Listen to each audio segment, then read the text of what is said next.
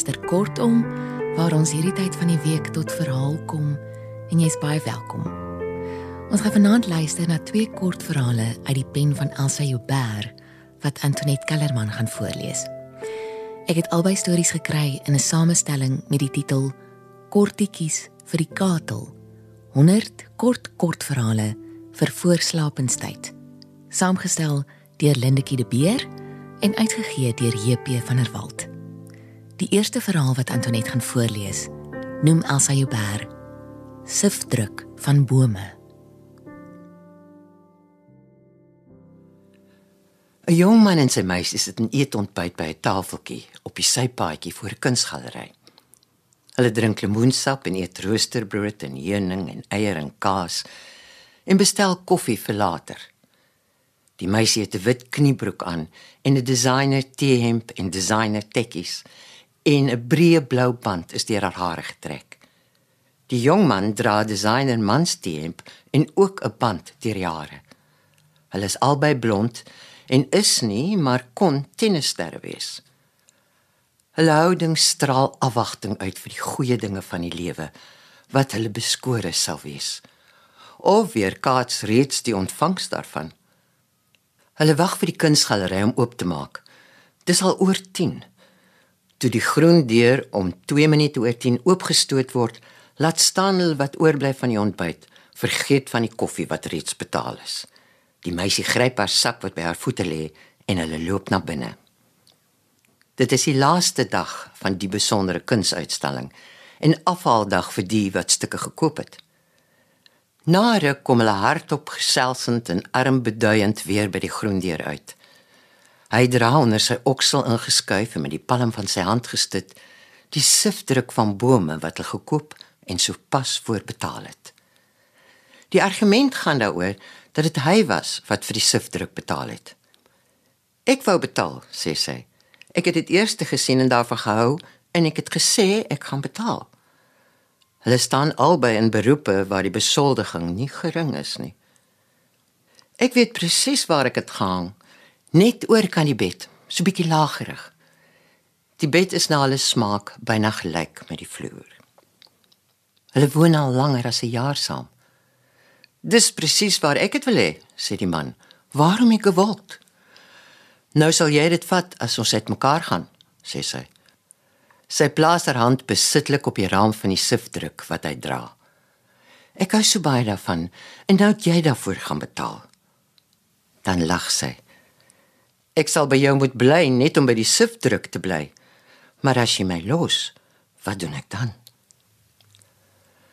Maar die gedagte is so ondenkbaar vir haar dat sy met die selfversekering wat tot dusver al verhouding kenmerk as iets so unieks, iets so deur die gode bestem, die raam speels laat los.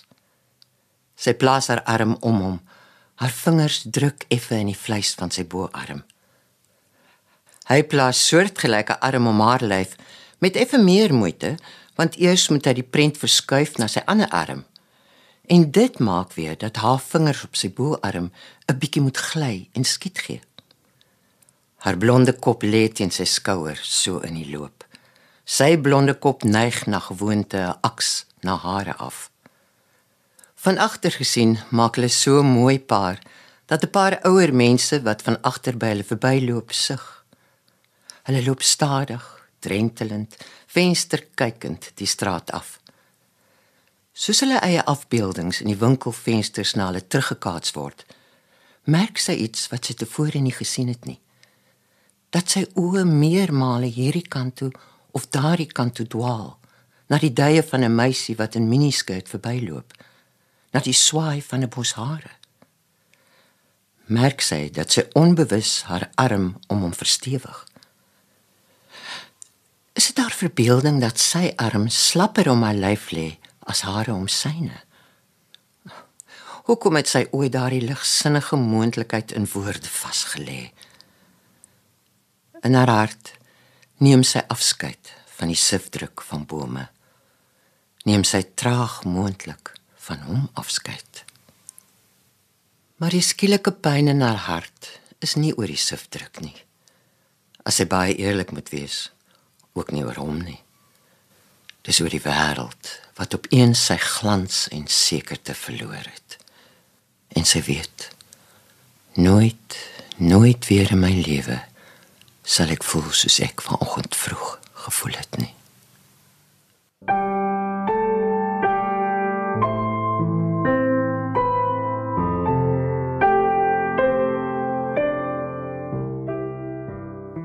Dit was dan Sifdruk van bome deur Elsa Joubert, gelees deur Antoinette Kellerman.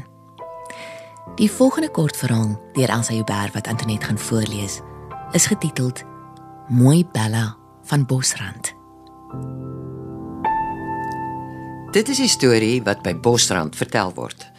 Dit kom van Mooi Bella self in haar waansin. Soos sy haar hare uit haar kop uitgepluk het, so is die storie by haar uitgewurg. Mooi Bella was getroud met 'n winkelier, 'n ou man. Sy het met hom getrou om haar pa se skulde te delg. Maar toe sterf haar pa in ieder geval kort daarna en haar troue was verniet. Sy het agter die toonbank gewerk en haar jong, mooi arms het die glas van die toonbank gevryf dat dit blink. So blink dat sy haar gesig en haar hare daarin kon sien. Eendag kyk sy op en sy sien net so mooi soos haar gesig in die blink glas, die gesig van 'n jong man wat die winkel binne gekom het. Sy het verlief geraak op hom en hy het op haar verlief geraak. Hy het elke dag met sy fiets by die winkel aangery en dan was dit om vuurhoutjies te koop en dan was dit sigarette en dan was dit olie. En soms het hy gesê: "Kies nou vir jou iets. Ek sal betaal." Die ou man het agter in 'n kantoortjie gewerk, maar elke maand het hy weggegaan vir 2 of 3 dae of selfs 'n week. Dan sit mooi Bella kers in die venster en dan kom 'n jong man met sy fiets saans wanneer die winkel toe is en hy bly by haar. Toe word hulle liefde so sterk dat hy nie meer wil weggaan van haar nie. Toe bring hy vir haar 'n poeiertjie en 'n papiertjie toegevou en sê: gooi dit by sy aandkos. Nie vanaand nie, nie môre aand nie, maar oor twee aande wanneer die maan klein is en die nag donker. En wanneer hy slaap, so diep slaap soos die dood, sit weer die kers in die venster vir my om te kom. Sy doen wat hy gesê het en toe hy klop, maak sy die deur vir hom oop. Die ou man slaap diep, sê sy vir hom so diep soos die dood. Die jong man buig en tel hom op en gooi hom oor sy skouer. Kom, sê vir mooi Bella. Die winkel is ver van die dorp, op die waarpad, naby die rande naby die plek waar in die ou dae 'n steengroef was waar lykklip gekap en weggery is. Ondergrondse water het in die gruisgat begin opwel en 'n diep swart slykerige poel, 'n poel sonder bodem, is agtergelaat.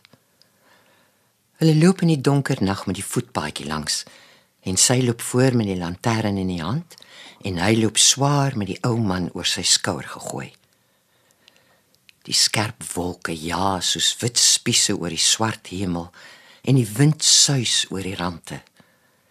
Die water in die gruisgat lek teen die rande. Die klein golfies word deur die wind opgestoot teen die rande. Dis koud en die jong man het sy lang winterjas aan en Bella het 'n dik Charlie wat om haar skouers hang.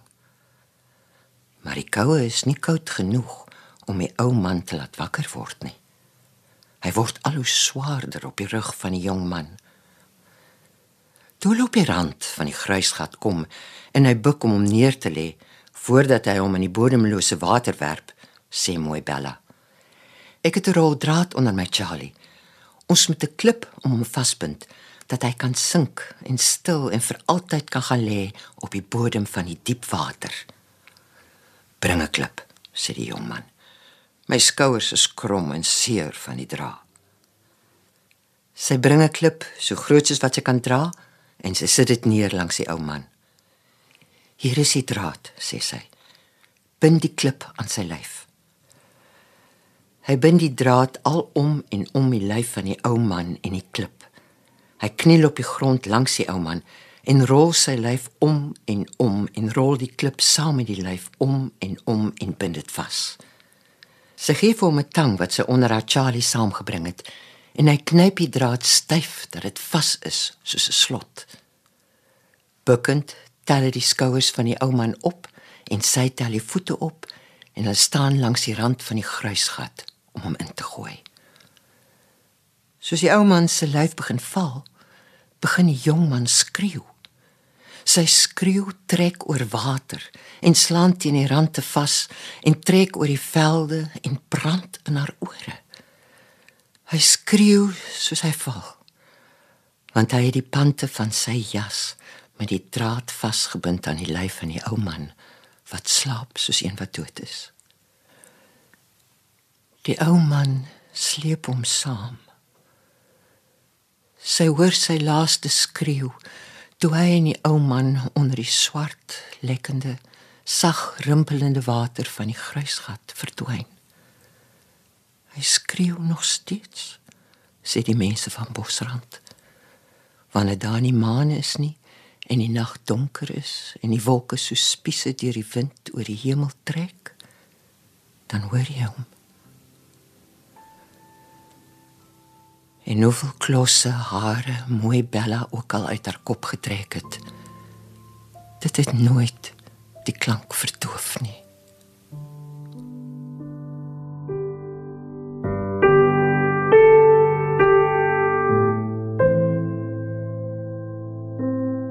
Dit was Mooi Bella van Bosrand deur Elsa Huber. Gelees deur Antoinette Kellerman. 'n Mooi aand vir jou. Tot volgende keer.